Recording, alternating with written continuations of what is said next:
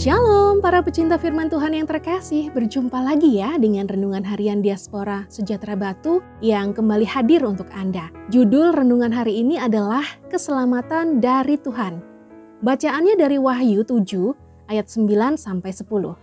Kemudian daripada itu, aku melihat sesungguhnya suatu kumpulan besar orang banyak yang tidak dapat terhitung banyaknya dari segala bangsa dan suku dan kaum dan bahasa berdiri di hadapan tahta dan di hadapan anak domba, memakai jubah putih, dan memegang daun-daun palem di tangan mereka, dan dengan suara nyaring mereka berseru, Keselamatan bagi Allah kami yang duduk di atas tahta, dan bagi anak domba.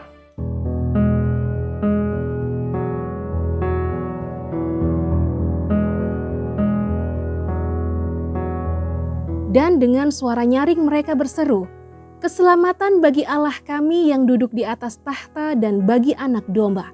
Wahyu 7 ayat 10. Ketika masa-masa yang berat terjadi di dalam gereja Tuhan, maka banyak di antara anak-anak Tuhan akan kehilangan anggota tubuhnya, sanak saudaranya, dan bahkan nyawa mereka akan melayang karena iman. Namun hanya orang-orang yang mampu mempertahankan materai dari Allah merekalah yang akan masuk dalam kerajaannya. Sejarah gereja mencatat di awal mula gereja berdiri sampai sekitar abad keempat, orang-orang percaya mendapatkan penganiayaan yang dahsyat, baik secara fisik maupun psikologis. Bahkan banyak yang mati syahid. Tetapi dalam kondisi tersebut, Allah tetap mendampingi dan menyelamatkan mereka sehingga mereka mendapatkan tempat di kekekalan.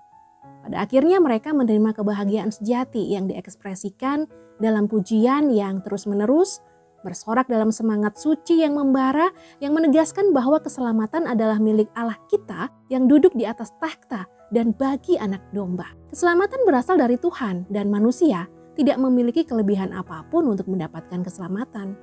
Semuanya diberikan oleh kasih Bapa, kasih karunia Putra, dan persekutuan Roh Kudus persekutuan bersama dengan Allah dan orang percaya dalam kekekalan merupakan kepastian yang Tuhan sediakan. Tetapi selama kita masih ada di dunia, maka kita harus mengerjakan keselamatan yang sudah Tuhan berikan dengan takut dan gentar. Ketika kita mengerjakan keselamatan yang Tuhan berikan, bukan berarti kita mendapatkan keselamatan itu karena usaha kita para manusia. Melakukan keselamatan merupakan tugas atau bagian dari manusia untuk menumbuhkan keselamatan dan memeliharanya dalam hidup, supaya materai Tuhan itu tidak hilang dalam hidup. Siapa yang mempersembahkan syukur sebagai korban, ia memuliakan aku. Siapa yang jujur jalannya, keselamatan yang dari Allah akan kuperlihatkan kepadanya. Mazmur 50 ayat 23. Tuhan Yesus memberkati.